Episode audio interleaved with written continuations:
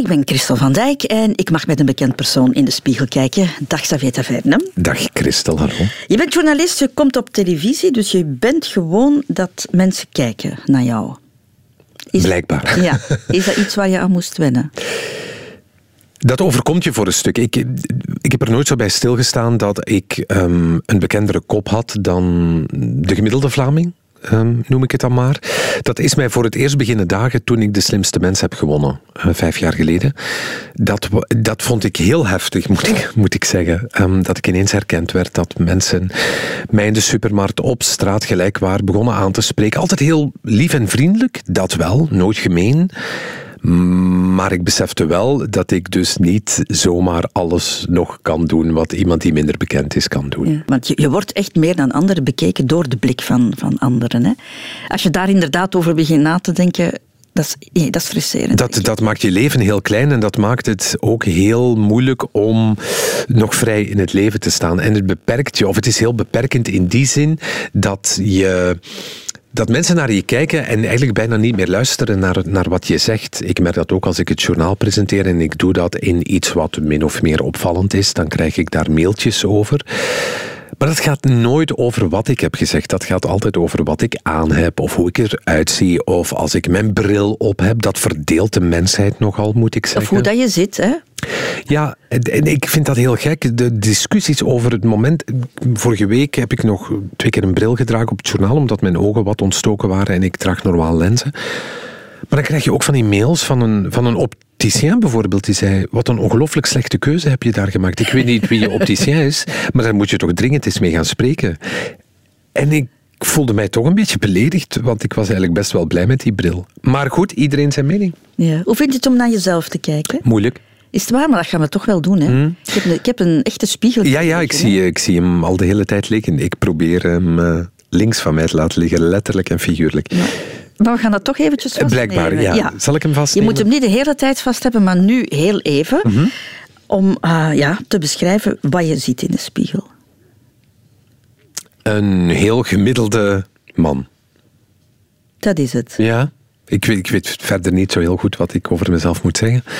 Um, ja, de, de, ik ben niet bovengemiddeld mooi. Ik ben niet bovengemiddeld lelijk. Ik ben vrij doorsnee, denk ik. Ja? Ik vind dat toch, ja. Ja. Hoe, hoe oud ben je nu, Xavier? Uh, 41. 41. Vind je dat je er al 41 uitziet? Zeker. Ja? Ik vind dat wel, ja. Ja, ik, ik zie er mijn leeftijd uit. Misschien zelfs al iets ouder. Is het echt? En, en, en wat is er dan verouderd aan jou? De tweede wal onder mijn ogen. uh, je hebt één wal en daar komt de tweede nu. dus dat, dat, kan ook gewoon van vermoeidheid zijn natuurlijk. Hè? Je hebt ook geen doorsnee job. Uh, dat zou zeker kunnen meespelen. Ik denk dat wij gemiddeld op de nieuwsredactie toch allemaal een jaar of vijf van ons leven afhalen. Door de job die we doen, denk ik. Ja. Mm -hmm. Je bent ook al licht grijs aan het worden? Dat is al een hele tijd zo. Daar ben ik heel fier op. Is het waar? Dat vind ik helemaal niet erg. Ik denk, zolang ik haar heb, laat het dan maar grijs worden. In het Engels hebben ze daar een heel mooie naam voor. De Silver Fox. Dat betekent een man die, die knap is en, en grijs haar heeft. Een Silver Fox. Ja. Dat vind ik heel mooi. Ik ben geen Silver Fox. Wim Obroek heeft mij ooit zo genoemd, de Silver Fox van de nieuwsdienst. Dat... Zo grijs is het ook nog niet, hè? Nee, het is vooral de zijkanten, hè? Ja, bovenaan is het ja, peper en zout, ook weer niks zeggend, ook weer heel gemiddeld. Ja. Maar dus Wim heeft jou zo genoemd en je vond dat een mooie beschrijving. Ik vond dat, ik, ik vond dat een heel mooi compliment en ook niet naar waarheid. Maar ik, ik dacht, goed, ik neem het. Ja. Heb je al haarverlies? Ik heb mijn kruintje, mijn paterskruintje achteraan, dat toch er wel is. Er staat nog iets op hoor. Maar ik, ken je dat van die spiegels in de supermarkt aan de kassa? Bij de uh, zelfkassa, om dan een aantal dingen in de gaten te houden. En dan kan je zo ineens, zie je de achterkant van je hoofd, wat je eigenlijk niet zo van jezelf niet zo vaak ziet. En toen dacht ik, holy shit, dat is kaal. Of als de camera in het journaal je van achter neemt, daar zie je dan toch ook enige kaalheid. Je hebt ook al fjorden hier, hè? Ik noem dat fjorden. Inhammen. Inhammen, hè? Dat ja. Heb je... ja, ja, zeker. Mijn, mijn haarlijn is zeer teruggetrokken al. Hè? Ja, ja. Dus dat is inderdaad, de, de fjorden zijn er, zeker. Ik vind dat jong eigenlijk. Nee? Uh, ja, maar ook dat is eigenlijk al een hele tijd zo. Ik, uh, mijn, haar, um, mijn haar is 76, denk ik.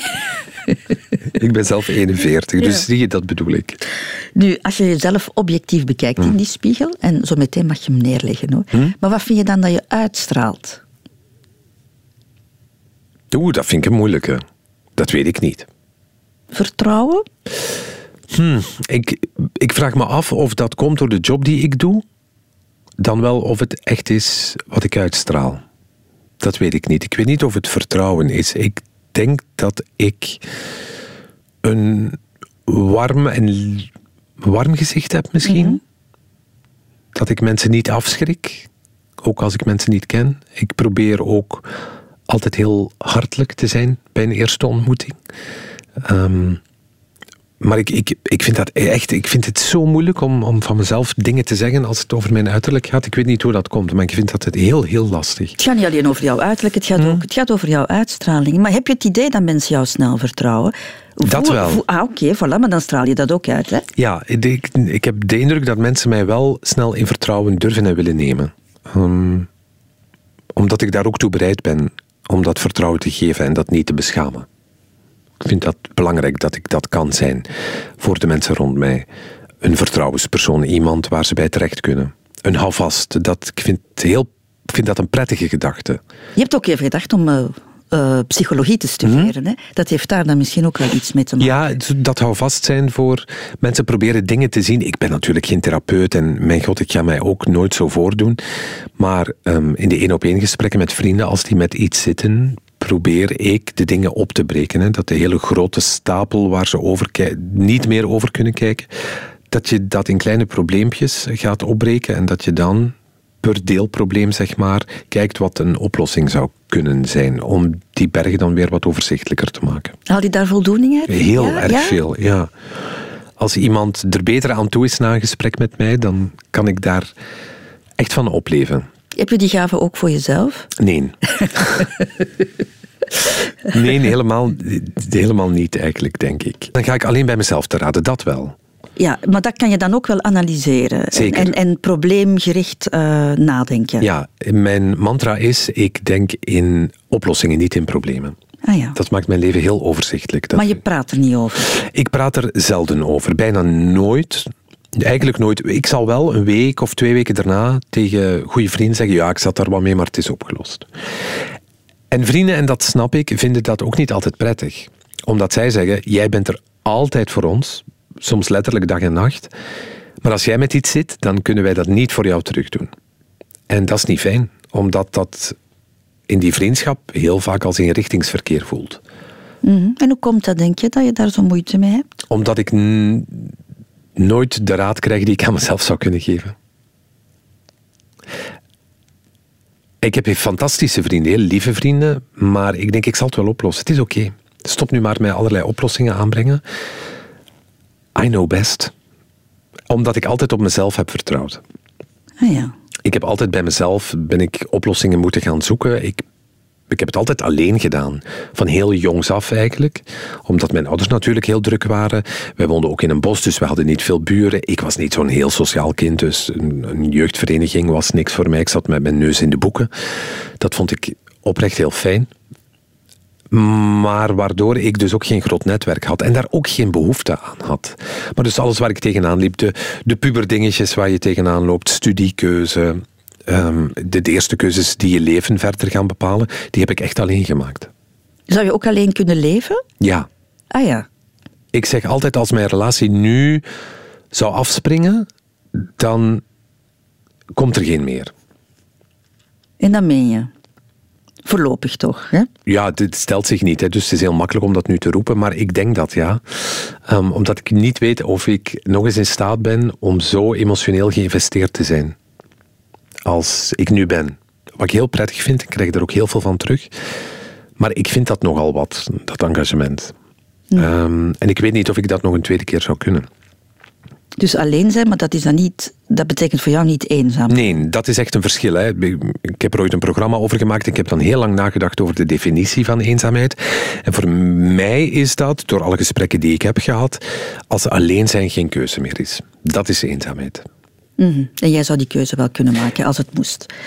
Ja, maar wel in contact staan met mensen, verbinding zoeken met mensen, zeker. Maar daar altijd uit kunnen. altijd terug naar die veilige plek kunnen waar ik alleen ben. Zie je dan in de spiegel een, een man die in balans is, die evenwichtig in het leven staat? Als je het zo Ik denk niet dat het niet zo is, dus ik denk dat het wel zo is. of het voelt niet aan alsof het niet zo is. Dus, maar ik denk die balans, ja, dat is altijd een beetje een wankel evenwicht, het leven. Want vandaag kan je perfect in balans zijn en morgen gebeurt er iets. En ben je... Maar ik probeer die balans wel te houden. Ik zou iets meer voor mezelf moeten zorgen, wel, denk ik. Of iets moediger zijn om een aantal keuzes te maken, denk ik. Om meer rust in mijn leven in te bouwen. Maar het feit dat ik dat niet doe, betekent dat ik dat dan ook weer opzoek of toch prettig vind op een bepaalde manier. Dus daar moet ik dan ook niet over zeuren. Ben ik in balans? Ja, ik denk het eigenlijk wel, omdat op 41 ik eigenlijk al veel meer van het leven heb gekregen dan wat ik er ooit van verwacht had. Is het waar? Zeker. Als je kijkt professioneel wat ik heb mogen doen, dat, dat is geweldig. Ik ben begonnen bij Radio 2 in Kortrijk. Ik heb daar mogen presenteren, reportages maken. Ik heb het journaal mag ik presenteren. Ik heb de ochtend mogen presenteren op Radio 1. Ik heb docus gemaakt voor Canvas de wenslijst is niet meer zo heel lang, moet ik zeggen. Dus dat voelt als een ongelooflijk groot cadeau wat ik gekregen heb. Dat klinkt heel dankbaar, maar je kan ook gewoon zeggen: je hebt het talent daarvoor natuurlijk. Ik zal er niet geen talent voor hebben. Um, maar ik zal er iets mee kunnen. En ik denk dat ik wel een werkethiek heb. Um, van heel hard werken en die twee samen. Want het is niet omdat je hard werkt dat je altijd kansen krijgt in het leven. Ik bedoel, dat is zo'n mythe. Dat klopt niet. Er zijn heel veel mensen die heel hard werken en geen kansen krijgen in het leven. Dus laten we ons daar ons niet op blind staren. Maar de combinatie van en hard werken. Een baas hebben die jou ziet en echt ziet, dat helpt ook. Want het is hij of zij die bepaalt waar jij terechtkomt toch voor een stuk. En durven ergens ambitie uitspreken en durven op je bek gaan. Dus dat allemaal samen heeft mijn professioneel leven wel wat, wat gevormd. En privé, ik ben al veertien jaar samen met oprecht de persoon van mijn leven. Um, als die morgen zou wegvallen, om wat voor reden dan ook, dan zal dat heel hard zijn, maar daar zal ik dan ook heel dankbaar kunnen naar kijken, dat ik dat heb mogen ervaren. Mm. Je hebt het woord rust daarnet al in de mond genomen. Zie je een rustig persoon in de nee, spiegel? Ik heb een tik met mijn mond als ik, en met mijn vingers ook. Ik, ben heel, ik doe heel veel met handen. Hè. Um, mensen wijzen mij daar ook wel eens op dat ik heel druk met handen door het leven loop. En ook, ik heb een tik met mijn mond. En dat betekent dat ik toch altijd een beetje opgenaaid ben. En toch vind ik niet dat jij onrustig overkomt. Ik zou eerder zeggen rustig. Ik ben het. Ik, ik kan, denk dat ik het goed kan wegstoppen. Of dat het zich dan uit in die tics uh, rond mijn mond of met mijn handen. Maar ik probeer naar mensen toe, omdat ik dat heel belangrijk vind. Um, als je interviewt, en jij weet dat als geen ander, want dat doe jij ook al je hele leven dat wat je uitstraalt is wat je terugkrijgt. Dus als je in een studio binnenkomt en je bent de baas, want de presentator is de baas in de studio. En je komt binnen, oh my, oh, ik heb vandaag dit en dat, oh, zeg, is van mij? Oh, oh. Dan denkt die gast, oh, wat is dit hier? Maar als je binnenkomt in een neutrale positie en zegt goedemorgen, ook al heb je echt net zeven koppen koffie laten vallen en, en ben je met je auto ergens tegenaan gereden, moet je dat buiten laten aan de studio. En dan zeg je goedemorgen, alles goed, fijn dat je er bent. Wil je iets drinken? En dat is gewoon heel anders in zo'n interview gaan. En of dat nu een hardkritisch interview is of een menselijk interview, dat maakt op zich niet uit. En wat mensen zeggen als ze bij laat geweest zijn, bijna iedereen, Xavier straalt zoveel rust uit. Maar dat is ook zo. Ik voel mij op mijn gemak om mijn verhaal te vertellen. Ook al weet ik dat ik maar vijf minuten heb, ik heb toch het gevoel dat ik alles zal kunnen vertellen. En dat dat te maken heeft met, met Xavier. En een groter compliment kan je mij oprecht niet geven. Rust hè, of onrust uh, vertaalt zich door drukke bewegingen bij jou, maar zit er ook een onrust in jouzelf? Non, eigenlijk de hele tijd. Ik denk dat ik de hele tijd onrustig ben, omdat ik altijd denk, wat is de volgende taak? Ik kan heel moeilijk in het moment leven, omdat er altijd weer iets na dat moment is. Um, wij zijn nu deze, dit gesprek aan het opnemen. Ik in mijn achterhoofd zit, ik moet straks nog dat en dat en dat doen. Um, op zondagavond bekijk ik mijn agenda voor de week, omdat dat wel een rust geeft dat ik denk, oké, het is weer een rat race, maar dat is het voor iedereen, maar dit is mijn rat race voor deze week. Um, en ik, ja, ik hou ook niet van te laat komen, daar word ik echt... vind ik heel onbeleefd als mensen dat doen. Dat is echt kortsluiting in mijn hoofd. Um, in die mate zelfs dat ik soms tegen mensen zeg ik ben daar heel lastig voor, maar het is ook geen probleem. Maar doe nu maar gewoon, want mensen proberen zich dan uit te putten in excuses. En ik denk, nee, je bent gewoon laat. Dus we het er ons niet over hebben. Laten we nu gewoon doen waar we hiervoor gekomen zijn. Want hoe meer aandacht we dit geven, hoe lastiger ik ga worden. En door normaal en gewoon te doen, zal dat over tien minuten weg zijn. Dus ik weet, dat is dan ook weer een werkpuntje voor mij, dat ik daar niet zo heel erg van in de stijgers moet gaan. Maar, um... maar is het een, een vloek of een zegen, die onrust? Ik vind, dat, ik vind dat een zegen. Ik, ik in mijn leven, dat is gemanaged van minuut tot minuut. Ik kan heel blij worden als ik dinsdag zeven afspraken heb, dat ik die allemaal op tijd haal. En thuis ben, dan denk ik, dat hebben we toch maar weer goed gedaan ik raas graag door het leven, blijkbaar. Want dat je prikkels opzoekt, constant. Ja, dat, ja dat, dat wel. Ik wil altijd ook iets te doen hebben. We hebben nu eigenlijk een, een, thuis een situatie of een, een maanden achter de rug waarin we twee huizen ehm, of twee appartementen achter hebben gelaten, geruild voor twee nieuwe appartementen. Um, daar, er is altijd wel iets te regelen. Eén verhuis is al ingewikkeld, laat staan vier. Um, dus dat was nogal wat samen. En nu dat afgelopen is, denk ik, oei, maar wat is het volgende? Ik heb geen taakje meer. En wat is de volgende uitdaging? Of wat is de volgende? Dus ja, ik heb dat wel nodig. Ook als we op vakantie gaan, dan moet ik eerst toch een dag of vier echt ontluizen van de agenda, van de mail, van het druk zijn. Of denken dat je druk bent. En dan die twee middelste weken, als het dan drie weken is, die zijn heerlijk. Hm, maar het kan ook zijn natuurlijk dat je door die onrustige dingen ook heel snel beu bent. En dat kan ook dan weer een vloek zijn.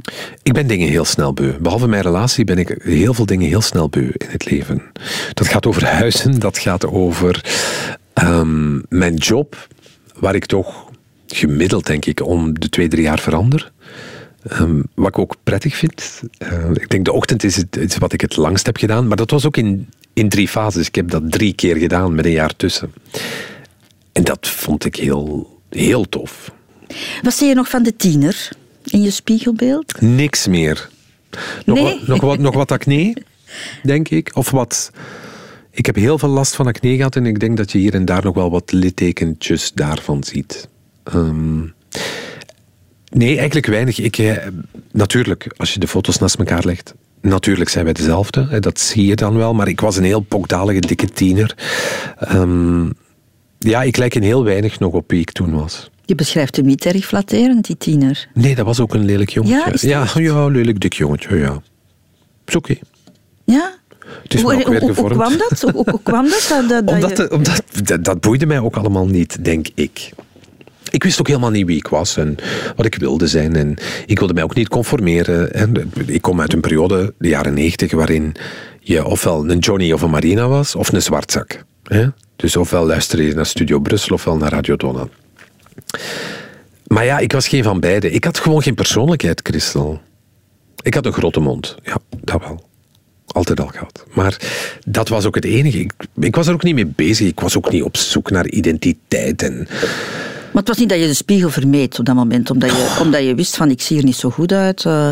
Maar ik vind dat nog altijd. Hè. Ik bedoel, ik vind mezelf absoluut niet mooi dat, dat, ik, ik kan niet aan mezelf denken en denken, goh, daar staat nu eens een knappe binkse. Nee, helemaal, helemaal niet. En ook, ik, ik, ben niet het type, blijkt dan toch uit mijn datingverleden, dat ehm, wordt aangesproken op café of in een club. Of, dat was ook niet. Ik ben nooit verleid geweest.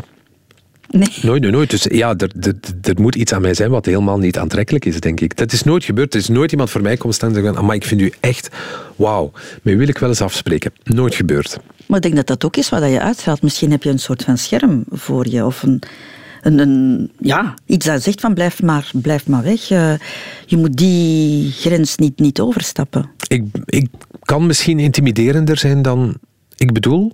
Misschien is het dat, maar misschien ben ik ook gewoon gat lelijk, Christel. Wie zal het zeggen? dat ben je niet. Dat ben je niet. nee, ik, ik, nee, ik weet het niet. Maar er, ja, soms straal je iets uit waar je je niet van bewust bent. En dat kan in mijn geval misschien echt zijn, laat mij met rust. Maar ik vind jou wel een aantrekkelijke man, dus ik denk dat jij misschien in je hoofd nog zit met dat dik mannetje met acne. En een dikke acne-mannetje krijg je er nooit uit. Hè. Dat is wie je, wie je bent geweest, denk ik, in je tienerjaren. Dat, daar kan je dan alles aan doen wat je wil. Um, je zelfbeeld. Ja, maar ik vind dat ook op zich niet erg. En dat je jezelf niet hoger inschat dan je eigenlijk bent. Maar heb je als tiener ooit daar opmerkingen over gekregen? Ja, ik werd wel, ik werd wel wat uitgelachen. Hè. Ja, ja. Ik ben ook gepest hè, de eerste twee jaar van mijn middelbare school. En de jaren daarna mild, dat was niet elke week, zelfs niet elke maand, maar zo wel van die opmerkingen. Maar als je dat twee jaar hard te verduren hebt gekregen, dan komt elke opmerking wel binnen. En dan moet je toch even omschakelen van oei, ik ben niet waardevol of niet waardevol genoeg. En ik, eh, ik zat ook niet op een school die daar heel veel aandacht voor had. Dus. En werd daar thuis geen aandacht aan besteed? Nee, aan hoe, de, hoe je eruit zag? Nee, ik weet dat mijn mama ooit, want ik heb heel felle acne gehad. Mijn mama zei, ehm, je moet daar echt iets aan doen, want meisjes willen niet met een dikke jongen met buisjes uitgaan, hè? Dat was het. Ja, en ik vond dat wel heel... Op dat moment niet, maar als ik daarop terugdenk, denk ik, goh, ik vond dat wel een heftige uitspraak. Mhm. ik, dat is iets waarvan ik vermoed dat ik het aan mijn kind nooit zou zeggen. Ehm, maar ze bedoelde, ze bedoelde dat ook goed. Dus alles zit in de bedoelingen zeker. Ehm, ja, dus ik, ik heb er wel medicatie voor genomen. En, maar dan ook weer een, niet echt de volle goesting gehad om van mezelf dan iets moois te maken. Omdat ik dacht, ja, dat zit er ook niet in. Mijn tanden stonden scheef. Mijn, ja, ja, mijn tienerjaren waren geen goede jaren. Nee. En dat, dat mollig zijn, kwam dat door te veel te eten? Ja, dan ook? tuurlijk, ja, ja. Oké. Ja, niet bewegen, hè, de combinatie. Ik bedoel, ik was echt een lui varken. Ehm, dus ik deed niks en ik at. Ja, Dat klinkt wel heel zielig, hè? vind ik. Maar zo voelde het niet voor jou. het voelde mij op dit moment, als ik daar nu op terugkijk, denk ik, verdomme, je had het toch wel anders mogen doen, Xavier. Dan ben ik wel zo wat kwaad op mezelf. Dat ik niet meer gewoon in mijn eigen kracht ben gaan staan. En mijn leven heel erg heb laten leiden door mijn ouders, door school, door eigenlijk iedereen en alles behalve mezelf. Niet durven zeggen wat je echt wil, niet opkomen voor waar je in gelooft. Niet, ehm, ik heb mij heel erg laten leven tot mijn achttiende. En dan is die omslag gekomen. Heeft dat te maken met hogere studies? Of die... Ja, ik ben dan in Brussel gaan studeren omdat ik wel klaar was met alles. Ehm, ik wilde gewoon echt opnieuw beginnen. Ik wilde de resetknop van mijn leven indrukken. En dat is daar gebeurd. En toen dacht ik, dit gebeurt mij geen tweede keer. En daar is mijn leven echt begonnen. Tot mijn 18. Weinig, weinig dingen voor de herinneringsdoos, laat ik het zo noemen. Ben je ondertussen tevreden over je tanden? Ja, ik heb daar iets aan laten doen ook. waar? Ja, Ja? ja. Ehm, een jaar of drie geleden, vier geleden. Ehm, toen ik, ik ben ehm, flink ziek geweest met epiglottitis. Dat is een strottenklepontsteking. Kan in sommige gevallen ook dodelijk zijn. Was veel heftiger ehm, dan ik het toen heb ingeschat. Maar in, de, in het ziekenhuis gelegen, drie weken vloeibaar moeten eten. Ehm, en toen was ik afgevallen, heel veel, acht kilo. Ben ik beginnen lopen, beginnen sporten. Nog eens zes kilo. Dus ik ben alles samen ongeveer 20 kilogram afgevallen toen. Dat is veel. Ja. En sindsdien zit ik op dat gewicht en ik hoef er niet zo gek veel voor te doen. Dus ik denk dat mijn lichaam ergens zijn basisgewicht heeft gevonden. Zo dat gewicht wat goed is voor jou. Hè. Dat bestaat ergens. Je streefgewicht noemt dat dan. Want ik kan in het weekend bijvoorbeeld heel veel eten en drinken. Maar dan in de week niet meer. En een week later is die weegschaal weer uitgijvend. Dus dat, dat zit op een, een goed niveau. Maar ik dacht, goed, hè, je bent al zo lang aan het zeuren over je tanden. Doe er nu misschien ook iets aan. En dan heb ik eigenlijk maar kleine ingrepen hoor. Eh, Ik heb vijf tanden laten aanpakken. Dus niet mijn hele gebit, gewoon vijf tanden. Dat waren twee tanden bovenaan die iets meer naar achter stonden. Daar ligt een, een laagje, weet ik veel wat, een laagje. Waardoor die in de rij staan. Ik had een vampierentand. Die heeft de tandarts gewoon mooi afgeveild tot op het niveau van mijn andere tanden. En onderaan ook nog één tand. Maar dat maakte zo'n verschil dat ik voor het eerst durfde lachen op een foto. En dat mensen mij ook kwamen aanspreken. Wat heb jij met je tanden gedaan? Terwijl ik had vier tanden laten aanpakken. Maar dus dat zegt veel over wat vier tanden met je zelfbeeld kunnen doen. En wanneer heb je dat laten doen? Een jaar of vier geleden. Waarom heb je daar dan zo lang, zo lang mee gewacht? Omdat dat 1500 euro was, Christel. en ik verdien hier pas sinds vier jaar echt goed geld. Nee, nee, dat is niet waar. nee, ik heb daar echt voor gespaard. Ik heb, ben, elke maand heb ik daarvoor 200 euro opzij gezet. En ehm, ik dacht, ik ga dat nu gewoon doen. En dat is, het is niet elke dag dat ik denk, ah, goeie tanden. Want ik heb nog altijd geen perfecte tanden. Maar ik heb wel een gebit nu waar ik mee kan leven. Ah ja. En ik was ook bang van de tandarts. Ik was acht jaar niet naar de tandarts geweest tot dat moment. Dus we hebben ineens gewoon Ja, Dus, en nu vind je het allemaal goed. Dus, En nu eh, ga ik elke zes maanden naar de tandarts. Ik heb een tandarts die heel, eh, mij heel goed uitlegt wat er gebeurt. Ik ben ook niet meer bang. En als ik in de spiegel kijk en als ik mezelf op het journaal zie, dan denk ik goed, het is geen ramp. Het is geen perfect gebit, maar een perfect gebit, dat hoeft Dat nu ook ook weer niet. Want daar zit ook een beetje persoonlijkheid in. Hè? Ik bedoel, dat zegt veel over iemand of dat, dat, dat vormt je gezicht ook mee. Ehm, maar het is op een heel natuurlijke manier gebeurd. Een aantal mensen hebben me gezegd, amai, die heeft eh, een heel gebit laten vervangen en dat is met bleach gedaan. En allemaal niet waar, gewoon vier tanden laten aanpakken. That's it. Maar kijk, 20 kilo vermagerd, een nieuw gebit of toch een, stuk nieuw Hmm. gebit en dan nog niet tevreden. Maar jawel, maar ik kijk niet naar mezelf in, in, in termen van tevredenheid. Ik denk, ik ben. Maar stel dat je nog iets zou mogen veranderen, wat zou je dan Niks. veranderen? Dat- ah, toch niks? Nee. Dat heeft ook... Nee, omdat alles dan onnatuurlijk wordt, misschien. Ik vind het zo zonde als ik... Botox prima en fillers en doe maar. Ik vind het geweldig. Tot op het punt dat het hoe je eruit ziet verandert. En dat vind ik dan altijd een beetje zonde. Dat mensen die wat ouder worden... zichzelf bijna verminken, vind ik het dan. Hè? Maar goed, het is een individuele keuze en ik ga niet shamen of judgen. Ik vind dat iedereen zich moet laten volspuiten met wat hij wil. Maar jij gaat het niet doen. Jawel, misschien. Ik, ja, ik zie mij wel botox gebruiken op termijn of fillers om zo'n rimpeltje weg te Tuurlijk wel. Maar ik hoop dat het gewoon mijn, de basis van mijn gezicht niet verandert. Dat het, want dan zie je mensen gewoon...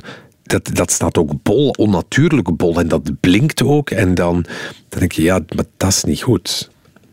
Laatste vraag, jij, Xavier, die is voor iedereen. Hm? En daar moet je toch op antwoorden. Wat vind je het mooist aan jezelf? Mijn ogen. Allee, dat, dat ging snel. Maar omdat iedereen dat altijd zegt, dan denk ik, ja, dan zal dat wel zijn. Hè. Ja. Ja. Het zijn hele blauwe ogen, Ja. groot. Ehm, ja, dus van het zichtbare. En ik heb ook al eens gehoord dat ik mooie benen heb. Ah ja, Vind ik een heel gek idee, maar dat ik mooie benen heb. Dus een short dragen, dat is voor jou geen straf. Nee, je, moet ik je, vind niet, mijn- je moet je niet schamen. nee, ik vind dat ik mooie onderbenen heb, zeker. Bovenaan, wow. Maar mijn ogen, omdat mensen ze, dat hangt, als ik een blauwe trui draag, zeker, dan. Mijn ogen veranderen een klein beetje van kleur. Dus dat zit tussen groen, grijs, blauw. Ehm, Ja, want ik zei nu blauw en nu ineens worden die precies een beetje groen. Ja. Heel dus raar. Die veranderen een beetje, ja. Ja. En ook ze zijn niet allebei helemaal gelijk, hè. Dus het kan, maar ze blenden mooi. Ze willen zoveel mogelijk veranderen, net als jij zelf. Hè. Dat is, dat Geen status ik quo, zelfs de vind ik ogen echt heel niet. mooi. Ja, Dankjewel, Xavier. dat is graag gedaan.